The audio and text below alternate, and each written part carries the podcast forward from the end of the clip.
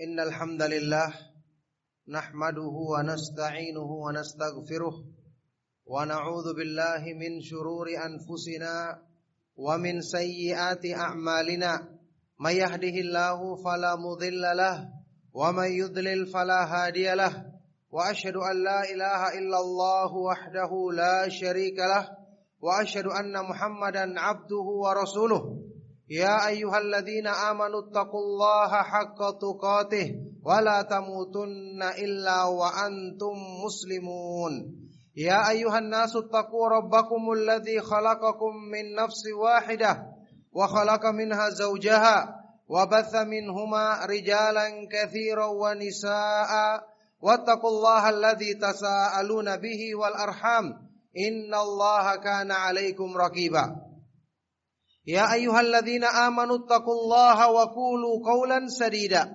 يصلح لكم أعمالكم ويغفر لكم ذنوبكم. ومن يطع الله ورسوله فقد فاز فوزا عظيما. أما بعد فإن أصدق الحديث كتاب الله وخير الهدى هدى محمد صلى الله عليه وآله وسلم وشر الأمور محدثاتها وكل محدثة بدعة wa kulla bid'atin dhalalah wa kulla dhalalatin finnar wa ba'du.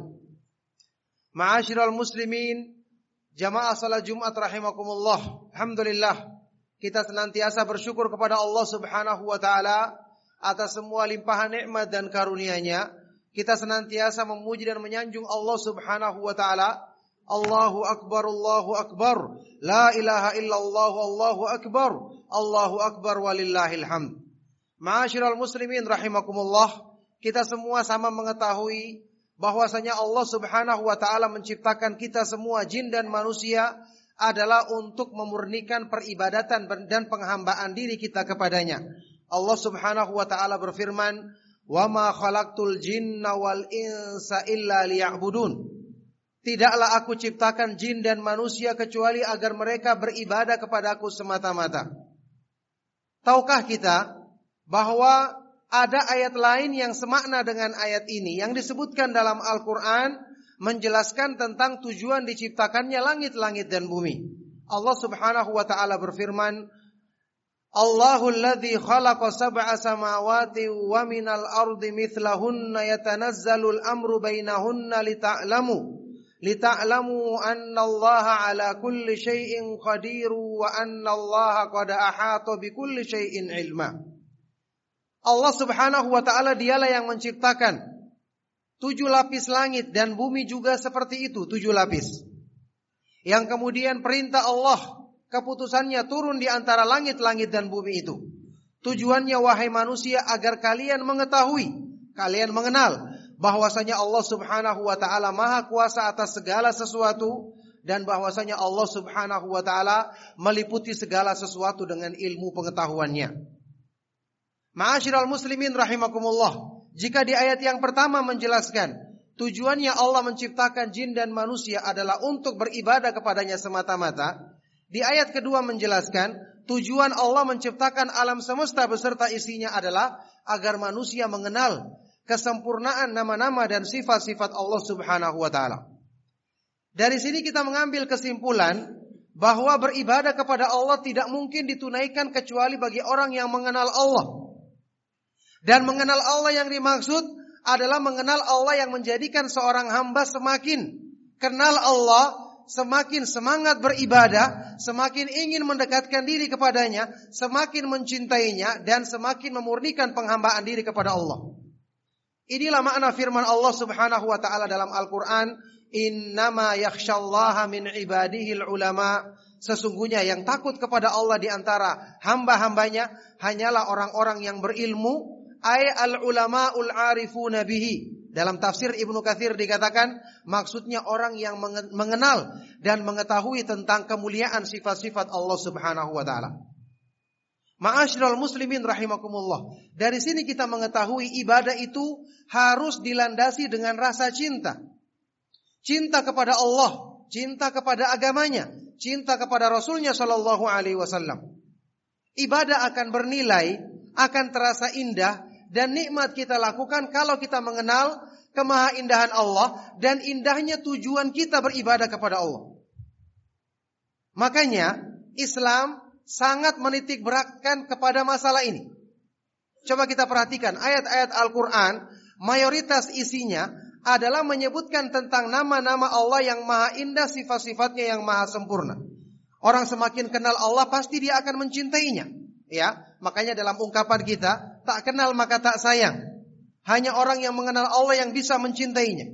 Makanya Al-Quran mayoritas isinya selalu menyebutkan di akhir setiap ayat nama-nama Allah. Inna Allah ala kulli syai'in qadir. Inna Allah ghafurur rahim. Sesungguhnya Allah maha kuasa atas segala sesuatu. Allah maha pengasih lagi maha penyayang. Di tengah-tengah ayat disebutkan tentang sifat-sifat kesempurnaan Allah. Perbuatan-perbuatannya yang maha sempurna hikmahnya. Ini semua adalah untuk menjadikan hati kita tertarik supaya mencintai Allah bahkan menjadikan kecintaan kepada Allah lebih daripada segala sesuatu yang ada di dunia ini. Coba kita lihat ayat-ayat Al-Qur'an yang menjelaskan tentang nama-nama dan sifat-sifat Allah adalah ayat-ayat yang paling agung. Coba lihat, ayat Al-Qur'an yang paling mulia adalah ayat kursi. A'dhamu ayatin fi kitabillah disebutkan dalam hadis yang sahih. Ayat yang paling agung dalam Al-Qur'an. Apa isinya ayat kursi? Tidak ada penjelasan masalah hukum, tidak ada penjelasan masalah ibadah, tidak ada tentang surga dan neraka. Dari awal sampai akhir semua tentang Allah, nama-namanya dan sifat-sifatnya. Berikutnya surat Al-Ikhlas. Kata Rasulullah SAW, Inna hala ta'dilu Qur'an. Surat ini sebanding dengan sepertiga Al-Quran. Coba kita baca surat Al-Ikhlas. Dari awal sampai akhir tidak ada mengenai apa pun selain tentang Allah subhanahu wa ta'ala nama-namanya yang maha indah, sifat-sifatnya yang maha sempurna. Taib, surat yang paling agung dalam Al-Quran adalah surat Al-Fatihah. Surat Al-Fatihah. Isinya ayat yang pertama setelah Bismillahirrahmanirrahim adalah Alhamdulillahirabbil alamin. Segala puji bagi Allah Subhanahu wa taala, Rabb semesta alam. Allah dipuji karena apa? Karena kesempurnaan sifat-sifatnya, karena kesempurnaan rahmat dan karunia-Nya. Ar-Rahmanir Rahim. Sifat kesempurnaan Allah. Malik yaumiddin. Sifat kesempurnaan Allah. Semuanya menjelaskan tentang ini. Jadi semua ayat-ayat yang mulia dalam Al-Quran tujuannya adalah agar kita mengenal Allah. Karena ibadah itu kalau tanpa cinta maka tidak bernilai. Di dalam Islam Allah subhanahu wa ta'ala memuji iman yang benar. Ibadah yang benar ketika seseorang melaksanakannya dengan perasaan nikmat karena dia merasa butuh. Dia mengetahui hidupnya tidak akan tenang, hidupnya tidak akan dekat dengan kebahagiaan kalau dia tidak beribadah kepada Allah Subhanahu wa taala. Makanya ibadah diturunkan untuk menjadikan hidup manusia bahagia. Itulah sebabnya orang gembira dengan dengan ibadahnya. Iman yang sempurna digambarkan oleh Rasulullah Sallallahu Alaihi Wasallam sebagai halawatul iman, manisnya iman, ladzatul iman, kelezatan iman, kenikmatan iman. Ini dalam beberapa hadis yang sahih. Kemudian orang yang berzikir kepada Allah dalam Al-Quran disebut apa? Ala bidzikrillahi tatmainnul qulub. Ketahuilah dengan mengingat Allah mendekatkan diri kepada Allah, hati manusia menjadi tenang. Ini semua menunjukkan kepada kita bahwa cinta kepada Allah ini adalah inti agama. Ruhnya iman, tanpanya iman akan mati. Makanya orang yang mencintai Allah dan menjadikan kecintaan Allah lebih daripada segala sesuatu, inilah yang akan merasakan manisnya iman. Rasulullah SAW bersabda, "Thalathun man kunna fihi wajada bihinna halawatal iman." Ada tiga perkara barang siapa yang memilikinya, dia akan merasakan manisnya iman. Pertama apa? Ayyakunallahu wa rasuluhu ahabba ilaihi mimma siwahuma. Dengan dia menjadikan Allah dan Rasulnya yang paling dicintainya melebihi dari dari keduanya. Kalau orang sudah mencintai Allah lebih dari yang yang selain selainnya yang ada di dunia ini, maka dengan itu dia akan bisa mengikhlaskan agamanya. Dunia ini menggiurkan bagi nafsu manusia. Harta menggiurkan bagi nafsu manusia. Pujian, sanjungan menggiurkan bagi hati manusia. Kalau ini yang mendominasi hati, kecintaan kepada Allah lemah, tidak akan bisa orang ini mengikhlaskan agamanya untuk Allah. Tidak akan bisa dia khusyuk dalam salatnya karena dominasi dunia masih menguasai hatinya, masih menguasai pikirannya. Tapi kalau kecintaan kepada Allah Subhanahu wa taala yang telah menguasai hatinya, mendominasi pikirannya, ketika itulah hamba ini akan bisa meraih kebaikan-kebaikan ikhlas, khusyuk dalam menjalankan agama, berlomba-lomba dalam kebaikan seperti yang diperintahkan dalam banyak ayat Al-Qur'an. Coba lihat, Rasulullah Shallallahu alaihi wasallam ketika menjelaskan tentang salat, apa kata beliau? Dalam hadis sahih riwayat Imam Ahmad dan Nasai, Rasulullah SAW bersabda, "Waju'ilat qurratu aini fis salah." Dijadikan kesejukan hatiku, penghibur jiwaku waktu aku menunaikan salat. Orang yang seperti ini tidak akan berhenti dari salatnya karena nikmat salatnya. Makanya di dalam tafsir Ibnu Katsir ketika beliau mendefinisikan atau menafsirkan makna firman Allah di surat Al-Mu'minun tentang sifat pertama orang yang beriman, alladzina hum fi salatihim khashi'un yaitu orang-orang yang khusyuk dalam salatnya Imam Ibnu Katsir membawakan hadis tadi bahwa orang yang khusyuk dalam salatnya adalah orang yang menikmati salatnya Inilah gambaran salat yang dicontohkan oleh Rasulullah SAW dalam hadis tadi. Ju'ilat qurratu aini fis salat. Dijadikan kesejukan hatiku, penghibur bagi jiwaku ketika aku menunaikan salat. Jadi khusyuk, ikhlas dalam beribadah, Berlomba-lomba dalam kebaikan yang merupakan sifat-sifat yang mulia, ini hanya akan diraih oleh orang yang mencintai Allah karena dia telah mengenal kesempurnaan sifat-sifatnya. Dia selalu merenungkan nikmat yang Allah turunkan kepadanya. Kebaikan-kebaikan yang selalu Allah berikan untuknya yang demikian banyak. Ini menjadikan dia mencintai Allah dan mengetahui tidak ada satupun yang di dunia ini yang pantas untuk dicintai pada zatnya. Yang kecintaannya melebihi dari segala sesuatu yang kita miliki selain Allah subhanahu wa ta'ala. Oleh karena itulah ma'asyiral muslimin rahimakumullah. Ini masih dalam hikmah. Ya kita melaksanakan idul kurban. Kita mengorbankan harta kita. Menundukkan hawa nafsu kita. Untuk menyerahkan. Mengorbankan harta yang paling kita miliki dalam bentuk sembelihan sembelihan kurban dalam rangka mendahulukan keridhaan Allah Subhanahu wa taala. Ini semua latihan untuk memurnikan cinta kepada Allah. Bukankah di dalam Al-Qur'an surat Al-Hajj Allah Subhanahu wa taala menyebutkan hikmah ibadah kurban, la luhumuha wala dima'uha walaki yanaluhu taqwa minkum. Bukanlah yang sampai kepada Allah daging-daging sembelian yang kalian sembeli, daging-daging hewan yang kalian sembeli, bukan pula darah yang kalian alirkan, tapi yang sampai kepada Allah adalah takwa yang bersumber dari hatimu, keimanan yang benar yang terdapat dalam hatimu. Oleh karena itulah ma'asyiral muslimin rahimakumullah, melalui khutbah yang singkat ini kami ingatkan bahwa bacalah Al-Qur'an dan renungkan isinya. Renungkan tentang keagungan sifat-sifat Allah, besarnya nikmatnya, banyaknya limpahan kebaiknya, kebaikannya. Wallahi, siapa pun di dunia ini kita akan puji dengan sifat-sifat baiknya. Siapa pun kita akan kenang dengan jasa-jasa kebaikannya kepada kita. Orang tua kita maupun teman-teman dekat kita. Apalagi Allah subhanahu wa ta'ala yang sifat-sifatnya maha sempurna. Yang kebaikan-kebaikan dan karunia tidak pernah putus kepada kita. Pantas untuk kita renungkan. Untuk kita menjadikan Allah subhanahu wa ta'ala lebih kita cintai. Daripada apa pun yang ada yang kita miliki di dunia ini. Dengan itu keimanan kita akan benar. Keimanan kita akan dipuji oleh Allah Subhanahu wa taala, keimanan kita akan dilepaskan dari kesyirikan sebagaimana makna firman-Nya, "Walladzina amanu asyaddu hubban lillah." Orang-orang yang beriman sangat besar kecintaan mereka kepada Allah Subhanahu wa taala. Semoga khutbah yang singkat ini bermanfaat bagi kita semua. Barakallahu li wa lakum fil Qur'anil azim wa nafa'ani wa iyyakum bima fihi minal ayati wa dzikril hakim wa nafa'ana bihadi sayyidil mursalin wa biqaulihil qawim. Astaghfirullah li wa lakum wa lisairil mu'minin fastaghfiruhu innahu huwal ghafurur rahim.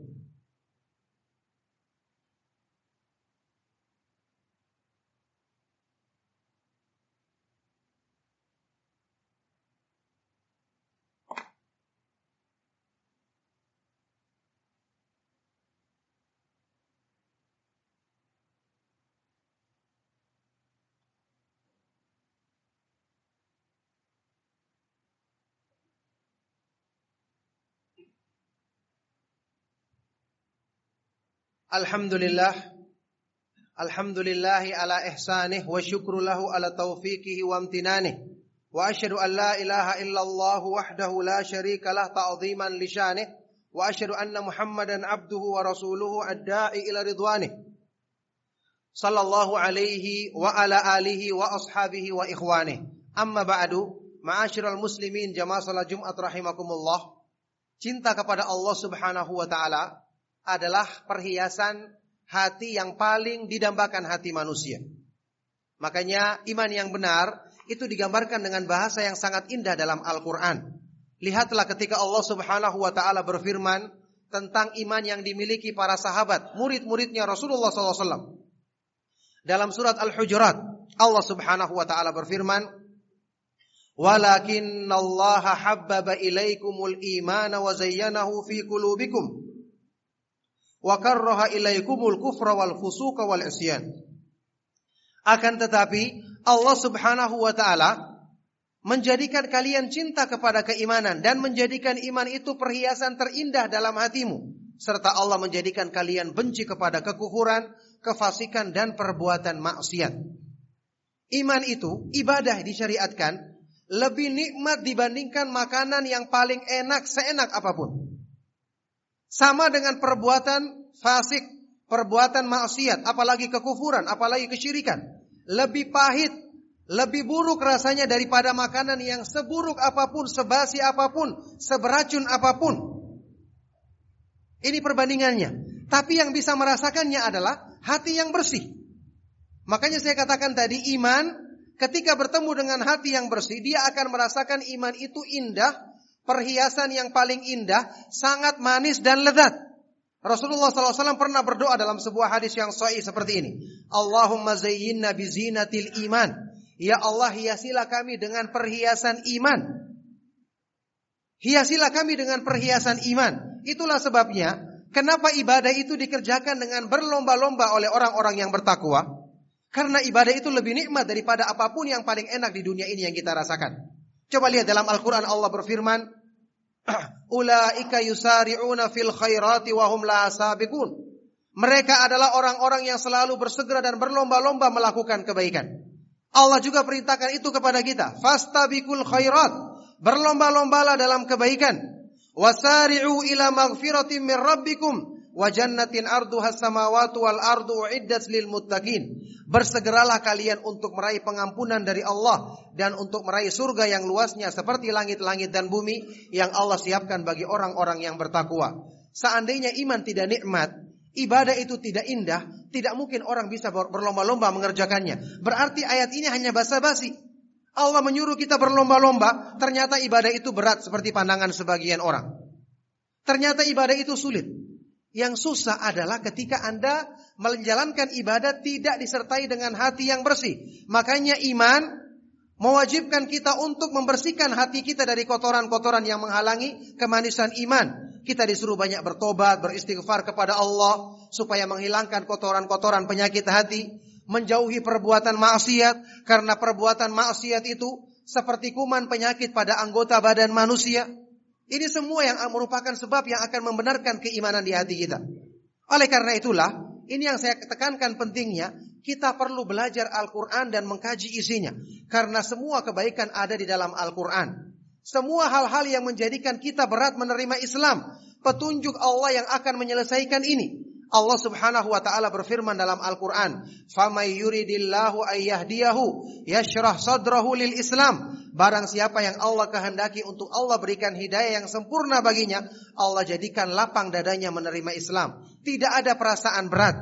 Wa may yurid ayyudillahu yaj'al sadrahu dayyiqan harajan ka'annama yas'adu fis sama. Tapi barang siapa yang Allah kehendaki, dia tersesat, Allah jadikan hatinya tertutup, sempit dan susah menerima Islam, seolah-olah dia mendaki ke atas langit. Nauzubillahi min dzalik. Oleh karena itu Islam itu indah, maka lapangkan hati kita untuk menerimanya. Kenali keindahannya. Allah Subhanahu wa taala tidak menghendaki bagi seorang pun sesuatu yang memberatkan dalam agama. Kita semua yakin akan benarnya firman Allah dalam Al-Quran. Wa ma ja'ala alaikum fid dini min haraj. Allah tidak menghendaki, tidak menjadikan bagi kalian dalam agama ini sesuatu yang menyulitkan. Allah Subhanahu wa taala juga berfirman, "Yuridullahu bikumul yusra wa yuridu bikumul usr." Allah menghendaki kemudahan bagimu dan Dia tidak menghendaki kesulitan. Oleh karena itulah, di khutbah yang kedua ini saya tekankan kembali nasihat untuk mengenal Islam bersangka baik menerima Islam, ingat ini merupakan ciri kesempurnaan iman. Bacalah Al-Quran dan renungkan isinya. Di situlah kita akan dapatkan keindahan sejati yang didambakan dan paling dicari oleh hati kita semua. Semoga Allah Subhanahu wa taala senantiasa menetapkan kita semua yang hadir, yang mendengarkan Al-Quran dan hadis-hadis Rasulullah SAW merenungkan isinya. Semoga Allah Subhanahu Wa Taala menetapkan bagi kita semua dan semua kaum muslimin keimanan yang benar, yang dirasakan manisnya, menetapkan kita istiqomah di atas agama ini sampai di akhir hayat kita. Allahumma salli ala Muhammad wa ala ali Muhammad kama sallaita ala Ibrahim wa ala ali Ibrahim innaka Hamidum Majid. Allahumma barik ala Muhammad wa ala ali Muhammad kama barakta ala Ibrahim wa ala ali Ibrahim innaka Hamidum Majid. Wardallahumma anil khulafa'ir rasyidin al immatil mahdiyyin Abi Bakrin wa Umar wa Utsman wa Ali wa an sair sahabati ajma'in wa anna ma'ahum bimannika wa karamika ya arhamar rahimin. Rabbana la tuzigh qulubana ba'da idh hadaitana wa hab lana min ladunka rahmatan innaka antal wahhab. اللهم ربنا زينا بزينة الإيمان وجعلنا هداة مهتدين ربنا آتنا في الدنيا حسنة وفي الآخرة حسنة وقنا عذاب النار اللهم اغفر للمسلمين والمسلمات والمؤمنين والمؤمنات الأحياء منهم والأموات إنك سميع قريب مجيب دعوات وصل اللهم وسلم وبارك على نبينا محمد وعلى آله وصحبه أجمعين والحمد لله رب العالمين. الصلاة